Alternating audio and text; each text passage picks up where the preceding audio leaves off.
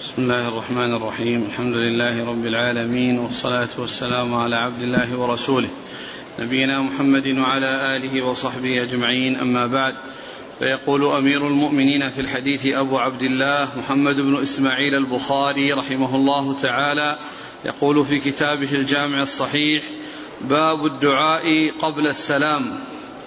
قال حدثنا أبو اليمان قال أخبرنا شعيب عن الزهري قال أخبرنا عروة بن الزبير عن عائشة رضي الله عنها زوج النبي صلى الله عليه وعلى آله وسلم أنها أخبرته أن رسول الله صلى الله عليه وعلى آله وسلم كان يدعو في الصلاة اللهم إني أعوذ بك من عذاب القبر وأعوذ بك من فتنة المسيح الدجال وأعوذ بك من فتنة المحيا وفتنة الممات. اللهم إني أعوذ بك من المأثم والمغرم. فقال له قائل ما أكثر ما تستعيذ من المغرم. فقال إن الرجل إذا غرم حدث فكذب ووعد فأخلف.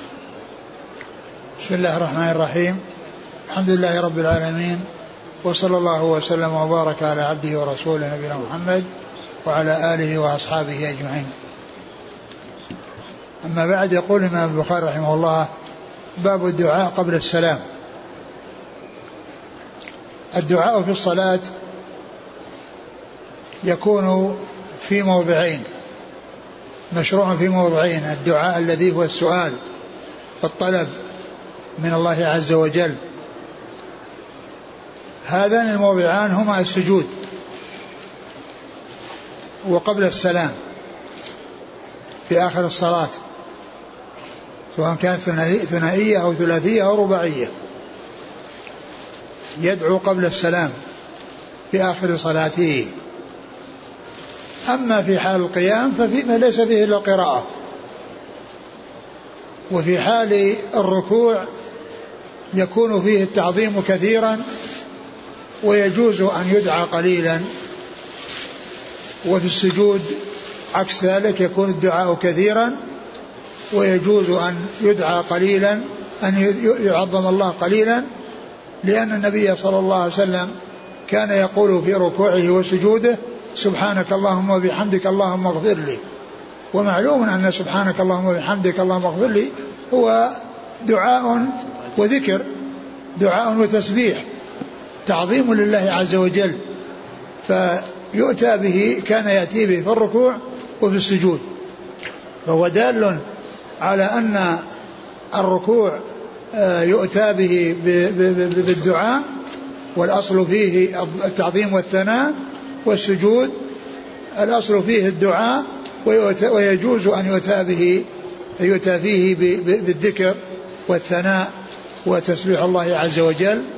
كان يقول سبحانك اللهم وبحمدك اللهم اغفر لي. وقد جاء عنه عليه الصلاة والسلام أنه قال أما الركوع فعظموا فيه الرب وأما السجود فأكثروا فيه من الدعاء. فهذا يدل على أن السجود محل الدعاء ويجوز أن يثنى على الله عز وجل فيه وأن الركوع محل التعظيم والثناء ويجوز أن يدعى فيه ويجوز أن يدعى فيه. وقد جاء عن النبي عليه الصلاة والسلام أنه كان يقول في ركوعه سبوح قدوس رب الملائكة والروح وهذا وهذا ذكر وثناء. على الله سبحانه وتعالى. فإذا القيام في حال القيام في الصلاة فيه القراءة وفي الركوع التعظيم والثناء ويجوز الدعاء قليلا. وبعد الركوع فيه الثناء والتعظيم. وبين السجدتين فيه الدعاء. رب اغفر لي وارحمني. و وفي التشهد الأخير وفي التشهد الأخير قبل السلام يكون فيه الدعاء. قبل السلام لأنه جاء عن النبي عليه الصلاة والسلام أحاديث تدل على ذلك. ومنها هذا الحديث عن عائشة رضي الله عنها أن النبي صلى الله عليه وسلم كان يقول في آه، في صلاته وهنا جاء مطلق. ولكن البخاري بوب وترجم بأنه قبل السلام. يعني هذا الدعاء جاء ذكره مطلقا قال في صلاته.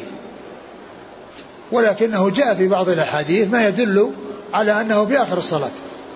جاء في بعض الأحاديث صحيحة ما يدل على أن هذا الذكر أن هذا الدعاء يؤتى به في آخر الصلاة.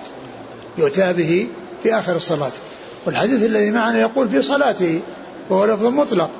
لكن جاء في بعض الأحاديث ما يدل على أنه محله آه، آه، أنه يؤتى به قبل السلام وهو الذي ترجم له البخاري بقوله باب الدعاء قبل السلام. والدعاء قبل هذا الدعاء قبل السلام آه، فيه الاستعاذة بالله من عذاب القبر والاستعاذة بالله من فتنة المسيح الدجال والاستعاذة بالله من فتنة المحيا والمات وفي بعض الروايات عذاب جهنم. ومعلوم أن عذاب القبر هو آه، يكون بعذاب بعذاب جهنم لأن آه، عذاب القبر يكون بالنار. كما جاء في القرآن الكريم عن آل فرعون قال الله عز وجل النار يعرضون عليها غدوا وعشيا. يعني وهم في قبورهم. ثم قال ويوم تقوم الساعة؟ يعني يخرج الناس من القبور أدخلوا آل فرعون أشد العذاب. فهم يعذبون فعذاب فعذاب فعذاب القبر إنما يكون بالنار. بعذاب جهنم إنما يكون يكون في القبور كما جاء في القرآن وكما جاء في السنة. عن النبي عليه الصلاة والسلام في حديث البراء بن عازب الطويل الذي فيه أنه إذا سئل وأجاب مسددا في جوابه يفتح له باب إلى الجنة فيأتيه من روحها ونعيمها يفتح له باب إلى الجنة فيأتيه من روحها ونعيمها وإذا كان بخلاف ذلك يفتح له باب إلى النار فيأتيه من حرها وسمومها. فيأتيه من حرها وسمومها. فعذاب القبر حق وهو يكون في البرزخ الذي يكون بين الموت وبين البعث. هذا هو عذاب القبر.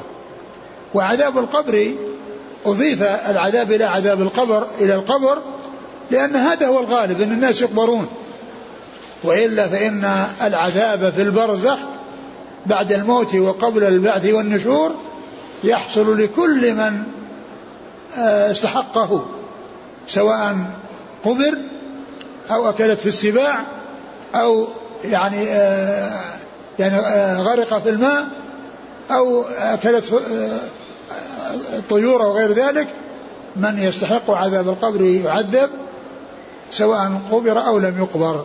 ولكن التعبير يأتي بعذاب القبر لأن هذا هو الغالب في الناس أنهم يقبرون. الغالب في الناس أنهم يقبرون. فالاستعاذة من عذاب القبر. وكذلك من فتنة وجاء في بعض الروايات من عذاب جهنم. وعذاب جهنم يكون في القبر ويكون بعد القبر بعد دخول النار. وكذلك فتنة المسيح الدجال وهو الذي تواترت به الأحاديث عن رسول الله عليه الصلاة والسلام الذي يخرج في آخر الزمان يخرج في آخر الزمان ويقتله عيسى بن مريم عليه الصلاة والسلام كما جاء في الأحاديث الصحيحة. ويأتي الناس بفتن ويدعي الألوهية ويحصل على يديه أمور مذهلة يغتر بها من خذله الله ومن لم يحصل له التوفيق من الله عز وجل. وتواترت الأحاديث في في في شأنه عن رسول الله صلى الله عليه وسلم وهي فتنة عظيمة فتنته عظيمة حذر منها رسول الله عليه الصلاة والسلام وحذر منها الأنبياء قبله. وحذر منها الأنبياء قبله وجاءت الأحاديث الكثيرة المتواترة عن رسول الله صلى الله عليه وسلم فيها. كذلك فتنة المحيا والممات. فتنة المحيا والممات فتنة المحيا ما يحصل في الحياة من الفتن ومن المصائب ومن الشرور. هذه فتنة المحيا. وأما فتنة الممات ما يحصل بعد الموت. ما يحصل بعد الموت في القبر وبعد القبر فإن ذكر الممات أو فتنة الممات أعم من ما يتعلق بالقبر وفتنة المحيا المحيا يعني عامة ومن أشدها فتنة المسيح الدجال. فإن فتنة المسيح الدجال خاصة وفتنة المحيا عامة ومن جملتها فتنة المسيح الدجال. يعني لمن أدركه ومن حصل في في في, في, في زمانه. ثم إن الرسول عليه الصلاة والسلام كان يستعيذ من بهذه التعوذات. وعائشة رضي الله عنها قالت إنه كان يتعوذ فيقول كذا وهذا إخبار عن فعله صلى الله عليه وسلم وهو يدل على أنه يسمع الذكر ويسمع الدعاء أحيانا حتى يعرف عنه صلى الله عليه وسلم. لأنه الرسول يعلم الناس بالقول فيقول قولوا كذا كما علم الناس التشهد آه، آه، حيث قال آه، يقول كذا وكذا وكذلك بالفعل حيث كان يدعو ويسمع أحيانا دعاءه حتى يعرف ذلك الشيء الذي يقوله صلى الله عليه وسلم. ف, ف وهذا نظير. كونه عليه الصلاة والسلام في حال القراءة يسمع الآية أحيانا في في الصلاة السرية لأن حتى يعرف الناس السورة التي يقرأ بها في هذه الصلاة السرية فكان يسمع الآية أحيانا فكذلك كان يسمع الدعاء أحيانا حتى يعرف منه صلى الله عليه وسلم. ثم إن النبي عليه الصلاة والسلام قد غفر الله له ما تقدم من ذنبه وما تأخر. وكان يدعو بهذه الدعوات. فقيل إن المقصود من ذلك ليعلم أمته ولتقتدي به أمته عليه الصلاة والسلام. وقيل إن المقصود من ذلك يعني كونه مع كونه مغفورا له يجتهد في العبادة ويجتهد في الدعاء ويخضع لله عز وجل ويذل ويتقرب إلى الله عز وجل وذلك شكر لله عز وجل. كما جاء في الحديث الآخر لما قالت له عائشة إنك انه كان يقوم حتى تتفطر تتفطر قدماه فقيل, فقيل له كيف تفعل ذلك وقد غفر الله لك ما تقدم من ذنبك وما تأخر؟ فقال عليه الصلاة والسلام أفلا أحب أن أكون عبدا شكورا؟ أفلا أحب أن أكون عبدا شكورا؟ ففيه الخضوع لله عز وجل والتقرب إليه عز وجل ودعائه والثناء عليه وفيه آه، آه، التشريع للأمة والبيان للأمة أنهم آه، يأتون بهذه الأدعية ويدعون بهذه الأدعية التي كان يدعو بها رسول الله عليه الصلاة والسلام. وأيضا فيه تنبيه لهم إذا كان رسول الله عليه الصلاة والسلام وهو الذي غفر له ما تقدم من ذنبه وما تأخر يعني آه، آه، يدعو ويتقرب ويفعل ويقوم في الليل حتى تتفطر قدماه فإذا غيره آه، عليه أن يجتهد في أن يتقرب إلى الله عز وجل بالأعمال الصالحة حتى يغفر له وحتى تشمله مغفرة الله عز وجل ورحمته. أعد الحديث. كان صلى الله عليه وسلم يدعو في الصلاة اللهم إني أعوذ بك من عذاب القبر وأعوذ بك من فتنة المسيح الدجال وأعوذ بك من فتنة المحيا وفتنة الممات. اللهم إني أعوذ بك من المأثم والمغرم. أعوذ بك من المأثم والمغرم. المغرم هو الغرم الذي يكون على الإنسان وهو الدين ويكون يعني الدين الذي آه، يستعاذ منه هو الذي يكون في آه، يعني غير مباح أو يكون يعني ليس هناك أمر يدعو إليه. أما إذا كان الإنسان مضطرا واستدان فإنه لا بأس به وسائغ ذلك. ولكن عليه أن آه، يحرص وأن يستقر في خلده وأن يهتم اهتماما عظيما بأن يؤدي الحق إلى صاحبه وأن يكون في نيته إيصاله إليه متى استطاع إلى ذلك سبيلا. فالمغرم الذي هو الغرم الذي يتحمله الإنسان ولهذا جاء في الحديث الآخر غلبة الدين. استعاذة من غلبة الدين وقهر الرجال. والماثم الحصول حصول الأعمال أو الشيء الذي يحصل فيه الإثم. يحصل فيه الإثم. فقيل له إنك كثيرا ما آه، تستعيذ أو من من من من, من المغرم. قال إن العبد إذا إن العبد إذا استدان إذا غرم, إذا غرم حدث فكذب. حدث فكذب ووعد فأخلف يعني أنه يضطر إلى ذلك. يعني يحدث يعني فيكذب لاضطراره إلى ذلك وكذلك يعد فيخلف لعدم تمكنه من ذلك. وقد يكون الإنسان آآ آآ يعد ويخلف مع قدرته وكذلك فيكون مماطلا ومن المعلوم أن الإنسان قد يكون عليه الدين وعليه الغرم ويماطل وقد قال عليه الصلاة والسلام مطل الغني ظلم. مطل الغني ظلم.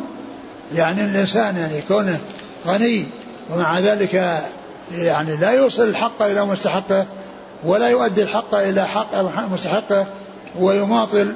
في ذلك فإن هذا يكون مع مع القدرة ويعني آه، يكون أقدم على شيء مع أنه آه، أنه قادر على أن يتخلص يعني من هذا الذي الغرم الذي عليه وذلك بإيصال الحق إلى مستحقه لوجود المال عنده وبحوزته. ولكن بعض الناس آه، يصيبه الحرص على المال حتى لا يخرج ما هو واجب عليه وحتى لا يؤدي ما هو واجب عليه. نعم. قال حدثنا أبو اليمان الحكم بن نافع عن شعيب بن أبي حمزة عن الزهري محمد بن مسلم بن عبيد الله. عن عروة بن الزبير نعم. عن عائشة. نعم. وعن الزهري قال أخبرني عروة أن عائشة رضي الله عنها قالت سمعت رسول الله صلى الله عليه وعلى آله وسلم يستعيذ في صلاته من فتنة الدجال. ثم ذكر بعدما ذكر الحديث مشتمل على عدة جمل من طريق ذكر طريقا أخرى مشتملة على التعوذ من فتنة المسيح الدجال من فتنة المسيح الدجال. فالأول عام والثاني خاص الأول مشتمل على عدة جمل وهذا مشتمل على جملة واحدة وكأنه آه، آه، جاء عنه أو بهذا الإسناد مطولا وجاء بنفس الإسناد أيضا مختصرا. قوله المسيح الدجال المسيح قيل له المسيح لأنه يمسح الأرض. يعني بي آه، يعني تجواله فيها وتكون تطواله الأرض. و آه، وقيل لأن يعني عينه ممسوحة. أن عينه ممسوحة. فيعني آه، هذا وجه كونه أو تسميته أو إطلاق عليه بأنه المسيح الدجال. ويطلق المسيح على عيسى بن مريم رضي الله عليه الصلاة والسلام. وذلك أنه يمسح كان يمسح على المريض فيبرأ بإذن الله عز وجل. ف ولكن يعني إذا أطلق المسيح يعني فإنه يطلق بإطلاق على عيسى بن مريم ولكنه إذا أطلق على الدجال فإنه يقيد بكونه الدجال فيقول المسيح الدجال. ومسيح الهداية هو عيسى بن مريم ومسيح الضلالة هو الدجال. وقد شاء الله عز وجل أن يكون مسيح الهداية هو الذي يتولى قتل مسيح الضلالة. هو الذي يتولى قتل مسيح الضلالة فإنه ينزل في آخر الزمان ويتولى بنفسه قتل الدجال. ويتولى بنفسه قتل الدجال ويكون مسيح الهداية. هو الذي يتولى قتل مسيح الضلالة. وقد جاء ومعلوم أن عيسى عليه السلام موجود في السماء وأنه رفع حيا. وأنه باق في السماء وأنه ينزل في آخر الزمان فيحصل منه ما أخبر به الرسول عليه الصلاة والسلام ومن ذلك قتله المسيح الدجال ومن ذلك قتله المسيح الدجال. قال حدثنا قتيبة بن سعيد قال حدثنا الليث عن يزيد بن أبي حبيب عن أبي الخير عن عبد الله بن عمرو عن أبي بكر الصديق رضي الله عنهم أنه قال أنه قال لرسول الله صلى الله عليه وعلى آله وسلم علمني دعاء أدعو به في صلاتي. قال قل اللهم إني ظلمت نفسي ظلما كثيرا ولا يغفر الذنوب إلا أنت فاغفر لي مغفرة من عندك وارحمني إنك أنت الغفور الرحيم. ثم ذكر هذا الحديث عن أبي بكر الصديق رضي الله عنه. أنه سأل النبي عليه الصلاة والسلام أن يدعو أن يعلمه دعاء يدعوه في صلاته. وهذا يدلنا على ما كان عليه أصحاب الرسول صلى الله عليه وسلم رضي الله عنهم وأرضاهم من الحرص على معرفة السنن والأحكام وكذلك الأدعية التي يدعون بها في صلاتهم وغير صلاتهم. فكانوا يسألون النبي صلى الله عليه وسلم عن أمور عباداتهم ويسألونه عن الأدعية التي يدعون بها في صلاتهم وغير صلاتهم. وفي هذا الحديث أن أبا بكر سأل النبي عليه الصلاة والسلام دعاء يدعو به في صلاته فعلمه هذا الدعاء. اللهم إني ظلمت نفسي ظلما كثيرا ولا يغفر الذنوب إلا أنت فاغفر لي مغفرة من عندك وارحمني إنك أنت الغفور الرحيم. فهذا فيه آه، آه، اعتراف الإنسان بذنوبه وكثرتها وأن وأن أنه بحاجة إلى عفو الله ومغفرته ورحمته فهو يخبر عن ذنوبه وكثرتها ويسأل الله عز وجل أن يغفر له الذنوب وأن يرحمه. ثم ختم ذلك بقوله إنك أنت الغفور الرحيم فإن هذان اسمان من أسماء الله والغفور يرجع إلى أغفر لي والرحيم يرجع إلى أرحمني فإن هما اسمان هذا يدل على المغفرة وهذا يدل على الرحمة. وقد سئل في قد جاء السؤال في هذا الحديث بطلب المغفرة بالذنوب الكثيرة وأن يرحمه الله عز وجل ثم ختم ذلك باسمين يدل يدلان على هذين المعنيين اللذين هما مغفرة الذنوب و و و و ورحمة الله عز وجل فالغفور يرجع إلى اغفر لي والرحيم يرجع إلى ارحمني وهو مرتب يعني آه، وهما والاسمان مرتبان المغفرة أولا الغفور أولا ثم الرحيم وكذلك الطلب كان طلب المغفرة هو الأول وطلب الرحمة هو الثاني. ومعلوم أن يعني البخاري رحمه الله أورد هذا الحديث في دعاء قبل السلام. و والحالة التي يكون عليها الإنسان قبل السلام هي محل للدعاء. هي محل الدعاء. وسيأتي الحديث ثم يتخير من الدعاء ما شاء. ثم يتخير من الدعاء ما شاء أو من يتخير من الدعاء أعجبه إليه. يعني معناه أن هذا موضع من المواضع التي يدعى بها ويسأل الله عز وجل فيها. نعم. قال حدثنا قتيبة بن سعيد نعم. عن الليث الليث بن سعد. عن يزيد بن أبي حبيب نعم. عن أبي الخير مرثد بن عبد الله اليزني. عن عبد الله بن عمرو بن العاص رضي الله عنهما. عن أبي بكر الصديق. رضي الله تعالى عنه. آه هذا الإسناد كل رجاله مصريون رجاله مصريون إلا الأول والأخير. أعلى السند وأسفل السند. أبو بكر رضي الله عنه وقتيبة بن سعيد. والباقين مصريون. الباقون الذين في الوسط مصريون. فرجاله كلهم مصريون إلا أوله وآخره. وأيضا فيه رواية صحابي عن صحابي وتابع عن تابعي. لأن في رواية عبد الله بن عمر عن أبي بكر صحابي عن صحابي. وفيه رواية آه يزيد بن أبي حبيب. نعم. يزيد بن أبي حبيب عن مرثد ابن عبد الله اليزني تابعي عن تابعي. ففي رواية تابعي عن تابعي ورواية صحابي عن صحابي. قال رحمه الله تعالى باب ما يتخير من الدعاء بعد التشهد وليس بواجب. قال حدثنا مسدد قال حدثنا يحيى عن الأعمش قال حدثني شقيق عن عبد الله رضي الله عنه أنه قال كنا إذا كنا مع النبي صلى الله عليه وعلى آله وسلم في الصلاة قلنا السلام على الله من عباده السلام على فلان وفلان.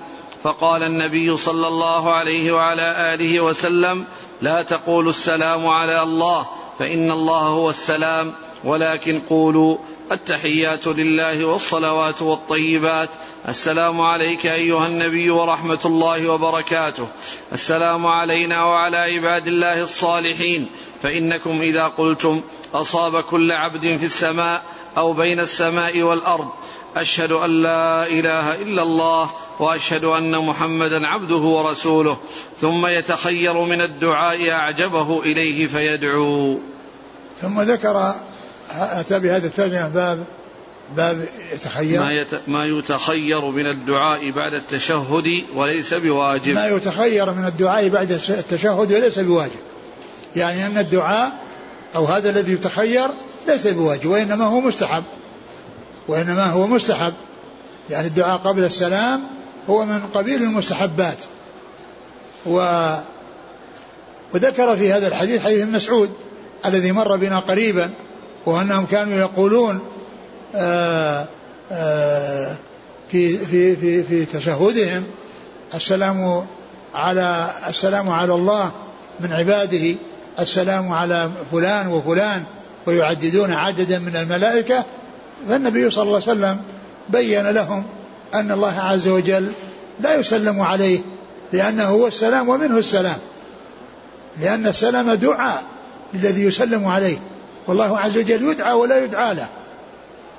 والمخلوقات هي التي يدعى لها ولا تدعى.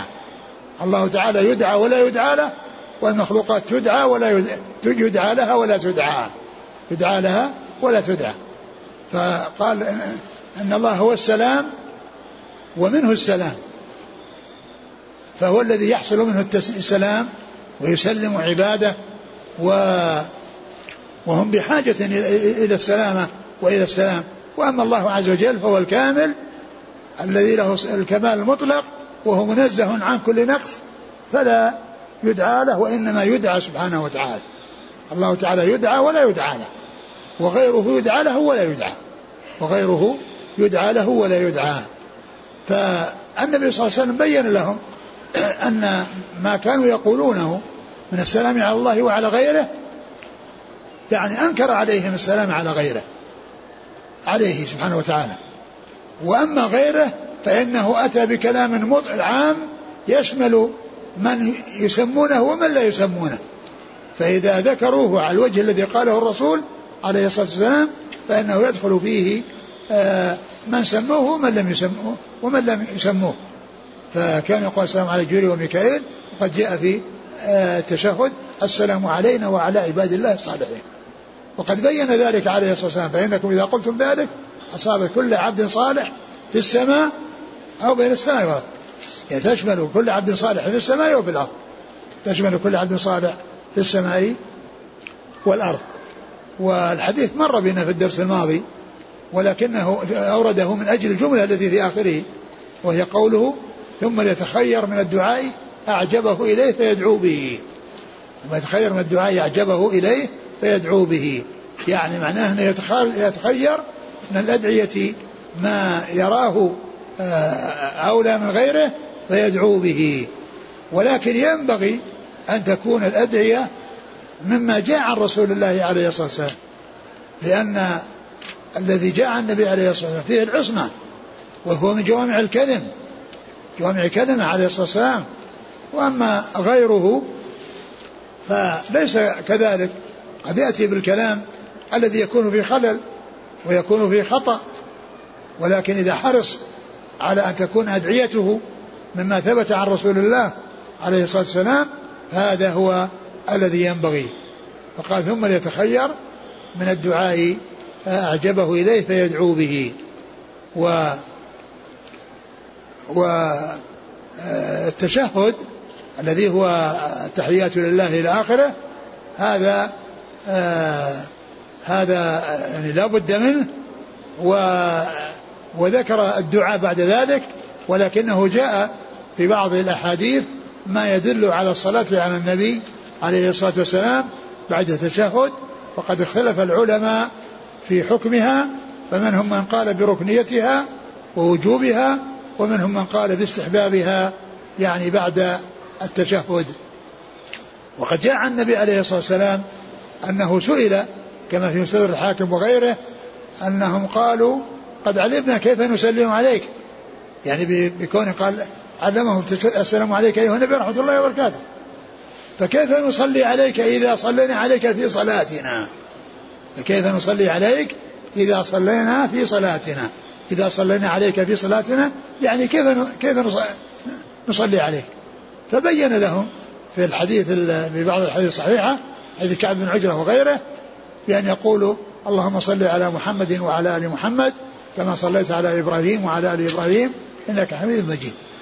وهذا هو وقد وردت الصلاة الإبراهيمية بصيغ متعددة ولكن أفضلها وأولاها ما جاء في حديث كعب بن عجرة في صحيح البخاري الذي فيه الجمع بين النبي محمد صلى الله عليه وسلم وآله وبين إبراهيم صلى الله عليه وسلم وآله.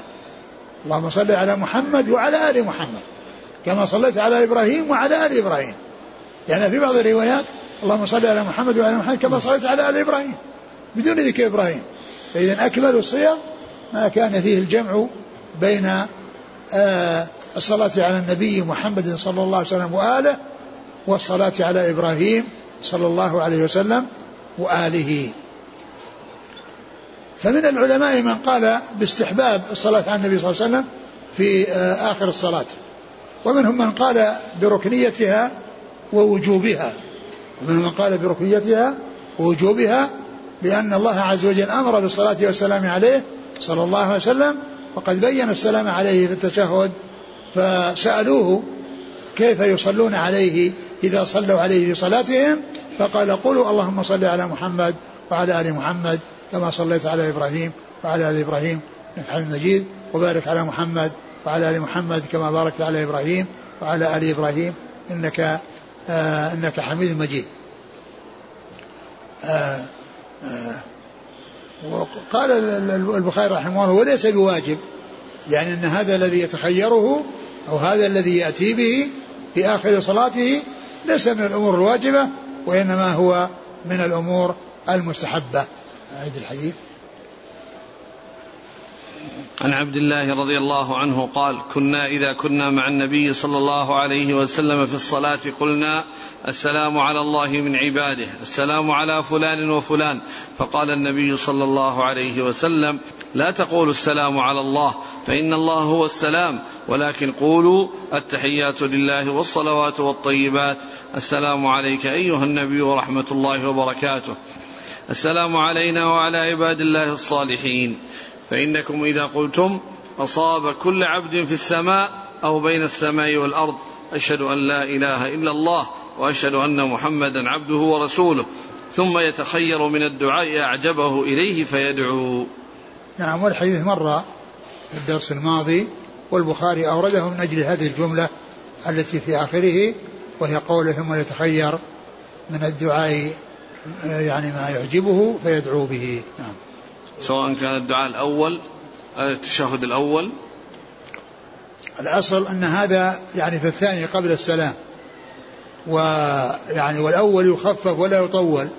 لكن قد جاء ما يدل على أنه أيضا يصلى فيه وأنه يدعى فيه. نعم. قال حدثنا مسدد. مسدد بن مسرهد. عن يحيى القطان. عن الأعمش. سليمان بن مهران. عن شقيق. شقيق بن سلمة شقيق بن سلمة أبو وائل. عن عبد الله. بن مسعود رضي الله عنه. قال رحمه الله تعالى باب من لم يمسح جبهته وأنفه حتى صلى. قال حدثنا مسلم بن إبراهيم. قال حدثنا هشام عن يحيى عن أبي سلمة. قال سألت أبا سعيد الخدري رضي الله عنه فقال رأيت رسول الله صلى الله عليه وعلى آله وسلم يسجد في الماء والطين حتى رأيت أثر الطين في جبهته. ثم ذكر هذه الترجمة باب من لم يمسح جبهته وأنفه حتى صلى. من لم يمسح جبهته وأنفه حتى صلى. الإنسان وهو في صلاته لا يشتغل بمسح جبهته وإنما آه إذا فرغ من صلاته فإن فإنه يمسح لأن المسح في الصلاة يعني قد يتكرر من الإنسان كلما سجد وعلق به شيء آه، راح يزيله وإنما يتركه. ولكن إذا فرغ من الصلاة له أن يفعل ذلك. قال من لم يمسح جبهته وأنفه حتى صلى. وأتى بحديث أبي سعيد الطويل الذي سبق أن مر وسيأتي في الصيام والمتعلق بليلة القدر وأنها وقعت في ليلة 21 وأنه رأى أنه في صبيحتها يسجد بالماء والطين وأن وأنه صلى بهم الفجر في تلك الليلة وحصل مطر ونزل المطر من من من, السقف ومن جريد النخل حتى كان في مكان سجوده عليه الصلاة والسلام وكانت الأرض ترابية فكان الماء فيها فانصرف إلى الناس بعد صلاته وعلى وجهه اثر الماء والطين عليه الصلاة والسلام.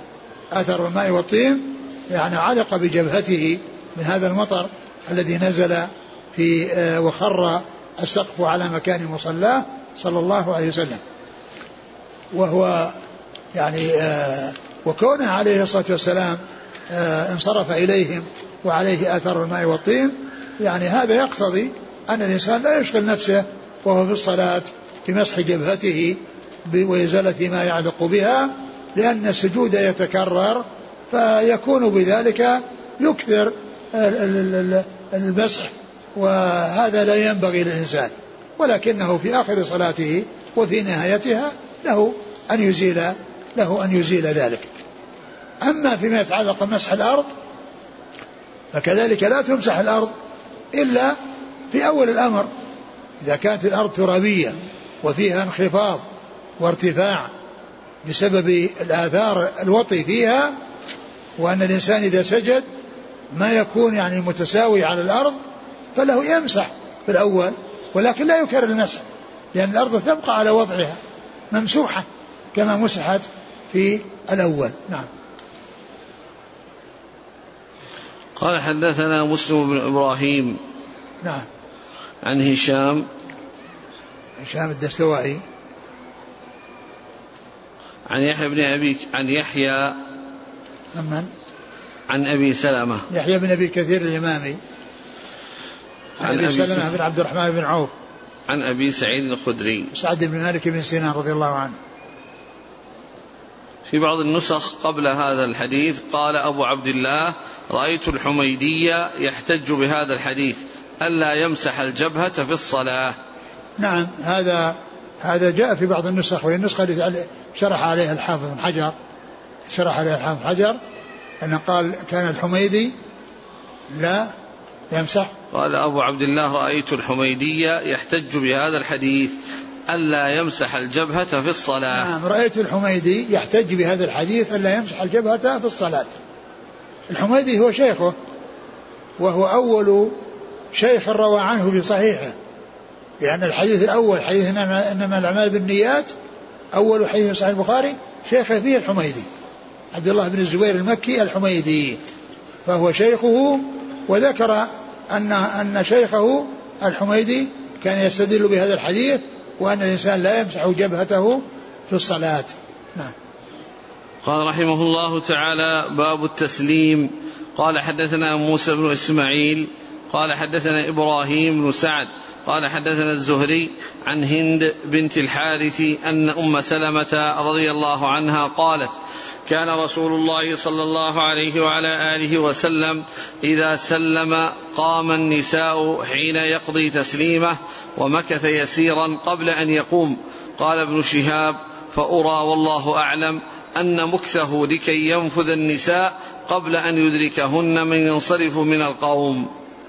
ثم ذكر باب التسليم تسليم من الصلاة وهو الذي يكون به الخروج منها.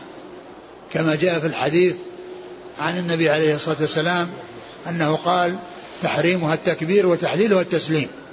يعني الإنسان يدخل في صلاته بالتكبير تكبيرة الإحرام ويخرج من صلاته بالتسليم. السلام عليكم ورحمة الله السلام عليكم ورحمة الله. أورد هذا الحديث عن آه عن أم سلمة. عن أم سلمة رضي الله عنها أن النبي عليه الصلاة والسلام كان إذا كان إذا سلم قام النساء. كان إذا سلم يعني هنا يعني محل الشاهد قالوا سلم يعني أن في تسليم من الصلاة وأن في خروج من الصلاة بالتسليم. قال حين يقضي تسليمه قام النساء قام النساء. كان رسول الله صلى الله عليه وسلم إذا سلم قام النساء حين يقضي تسليمه. قام النساء حين يقضي تسليمه. فقوله يقضي تسليمه يعني يدل على أو فيه إشارة إلى أن فيه تسليمتان. لأن قوله يقضي تسليمه يعني يكمله. وهذا يكون في شيء متكرر. يكون في شيء متكرر. يعني معناه أنه سلم ثم سلم. فإذا سلم آخر تسليمه فإن المأموم يعني يتابع بذلك. وفي هذا الحديث أن النساء كان يص... كن يصلين مع النبي صلى الله عليه وسلم ولكنه إذا سلم قمنا. يعني من حين يسلم يقمن ويخرجن حتى لا يختلط بهن الرجال. حتى لا يختلط بهن الرجال. ويبقى الرجال مع النبي صلى الله عليه وسلم ثم بعد ذلك يقومون. وهذا يبين على أن النساء لا يختلطن بالرجال وأن أنه إذا حضرن المساجد فإن آه فإنهن آه آه يقمن يعني وينصرفن وهذا فيما إذا كان يعني الناس يعني الصفوف متصلة أو متقاربة يعني حتى لا يدركون. أما إذا كان يعني لهم مكان في المسجد ويبقين فيه ولا يخرجن يعني إلا متأخرات فلهن ذلك. فلهن ذلك. لكن كونهم يعني يقومون ويجتمعون في الأبواب ويختلطون هذا هو الذي جاء في الحديث أن أن النساء يقمن وأن الرجال يتأخرون وأنه بعد ذلك آه، يقوم النبي صلى الله عليه وسلم ويقومون معه صلوات الله وسلامه وبركاته عليه. وقد أورده من أجل التسليم والاستدلال على التسليم وأن الصلاة يخرج منها بالتسليم كما جاء في الحديث تحريمها التكبير وتحليلها آه، وتحليلها التسليم. وجاء ذكر ذلك في موضعين في قوله إذا سلم وفي قوله إذا قضى تسليمه. في قوله إذا سلم وإذا قضى تسليمه. والتسليم آه، آه، جاءت الأحاديث الكثيرة الثابتة عن رسول الله عليه الصلاة والسلام عن خمسة عشر من أصحاب الرسول عليه الصلاة والسلام أنه أنه يسلم تسليمتان. ذكر ذلك ابن القيم في إعلام الموقعين وقال إنها جاءت عن خمسة عشر صحابي ما بين صحيح وحسن. ما بين صحيح وحسن يعني معنى ذلك أن في تسليمتان تسليمة على اليمين وتسليمة عن الشمال. نعم أعيد الحديث. عن أم سلمة رضي الله عنها أنها قالت كان رسول الله صلى الله عليه وسلم إذا سلم قام النساء حين يقضي تسليمه ومكث يسيرا قبل أن يقوم. قال ابن شهاب فأرى والله أعلم أن مكثه لكي ينفذ النساء قبل أن يدركهن من انصرف من القوم. نعم وهذا يعني يدل على أن ابتعاد النساء عن الرجال وعن مخالطتهم أن هذا هو هدي الرسول عليه الصلاة والسلام وهذا هو سنة الرسول عليه أفضل الصلاة وأتم التسليم وأن اختلاط النساء بالرجال و آه، يعني من من أسباب البلاء وأسباب الشر وأسباب الفتن لا سيما مع التكشف ومع السفور والتبرج فإن ذلك من أعظم الفتن وأعظم البلاء. وقد أخبر النبي عليه الصلاة والسلام أن أول فتنة بني إسرائيل كانت في النساء. وقال عليه الصلاة والسلام ما تركت بعدي فتنة أضر على الرجال من النساء. ما تركت بعدي فتنة أضر على الرجال من النساء رواه البخاري وكذلك حديث آآ آآ أن أول فتنة بني إسرائيل كانت في النساء. فهذا الحديث الذي جاء في الحديث يدل على تباعد الرجال عن النساء وعدم الاختلاط إلا للضرورة التي لا بد منها مع الاحتشام والبعد عن الاحتكاك بالرجال أو الملاصقة أو التقارب. يعني كما يكون في بعض الأحوال التي لا بد منها مثل الطواف وغير ذلك فإن الشيء الطارئ غير الشيء الذي هو مستقل وأصيل وفيه الدوام والاستمرار فإن بقاء النساء مع الرجال واختلاطهن في العمل وفي الدراسة هذا من أعظم المصائب وأعظم البلاء. ولا يجوز أن يستدل بكونه يوجد طواف الرجال مع النساء في وقت واحد يعني في بعض الأحيان أن أن يكون ذلك مسوغا لهذه الأمور المستدامة التي فيها الفتن وفيها البلاء. بل الواجب هو الحذر من يعني هذه الأمور التي تعود على الرجال وعلى النساء بالضرر.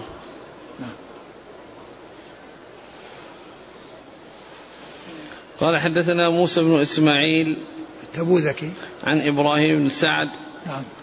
عن الزهري نعم. عن هند بنت الحارث نعم. عن أم سلمة. نعم.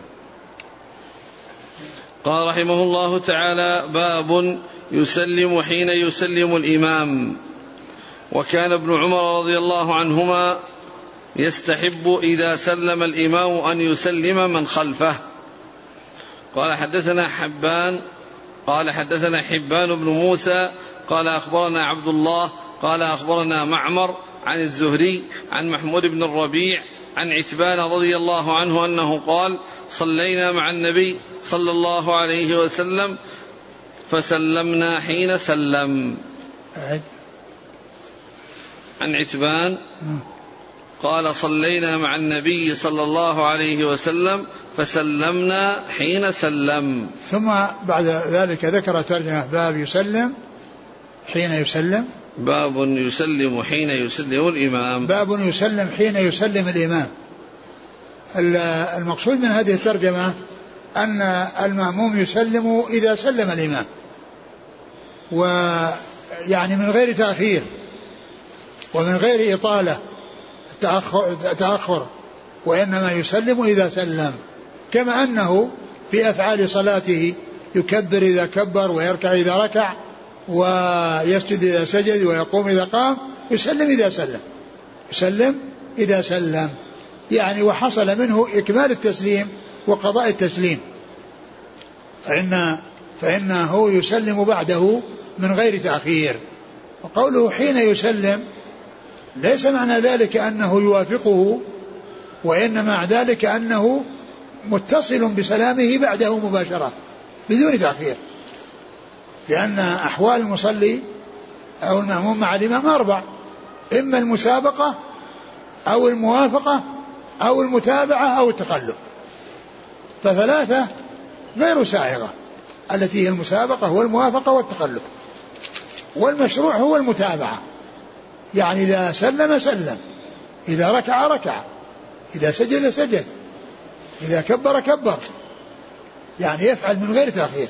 إنما جعل لمن يهتم به فإذا كبر فكبروا وإذا ركع فاركعوا وإذا قال سمع قل ربنا ولك الحمد هذا هو المشروع.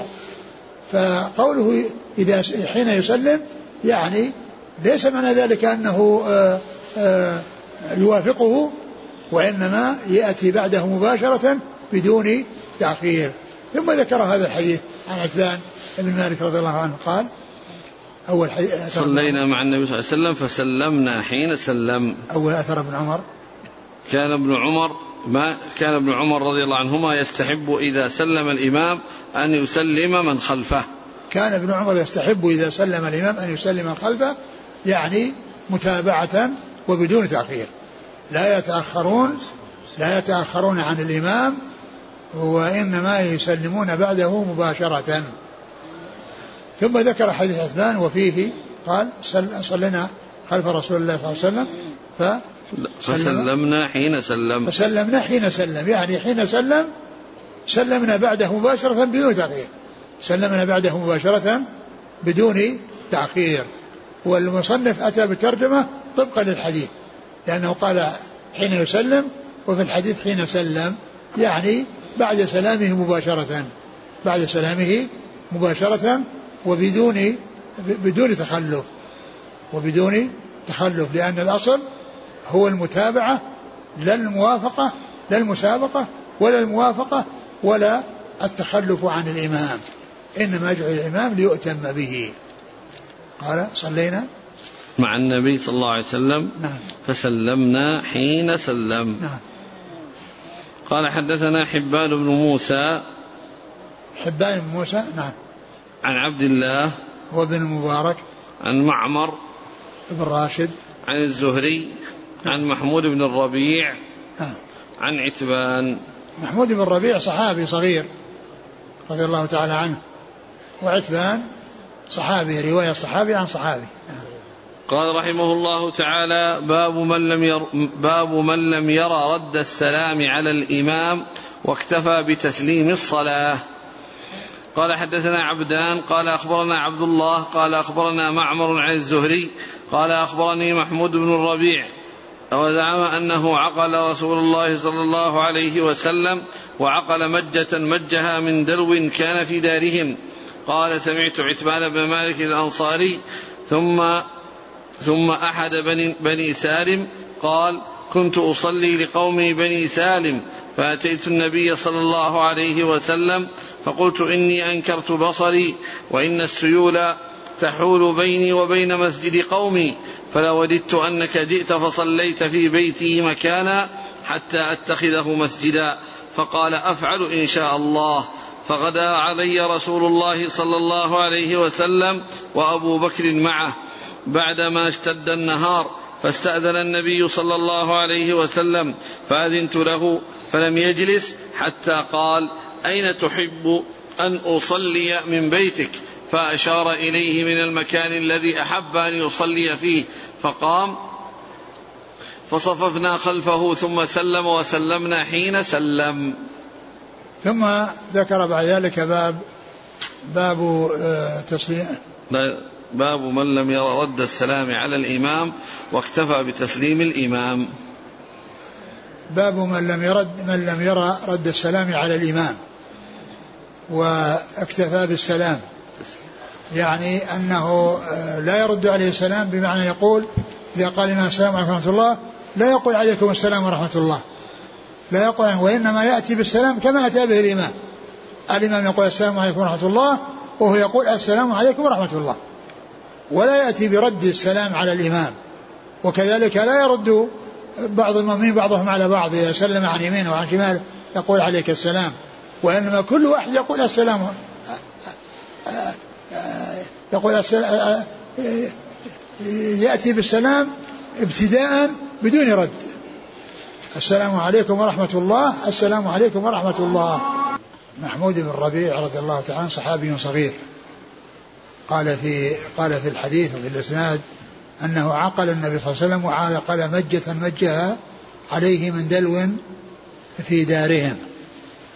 قوله عقل النبي صلى الله عليه وسلم يعني أنه هو صغير ولكنه عرف النبي صلى الله عليه وسلم وتحقق من معرفته. بل إنه عقل مجة مجها رسول الله صلى الله عليه وسلم عليه من دلو في دارهم.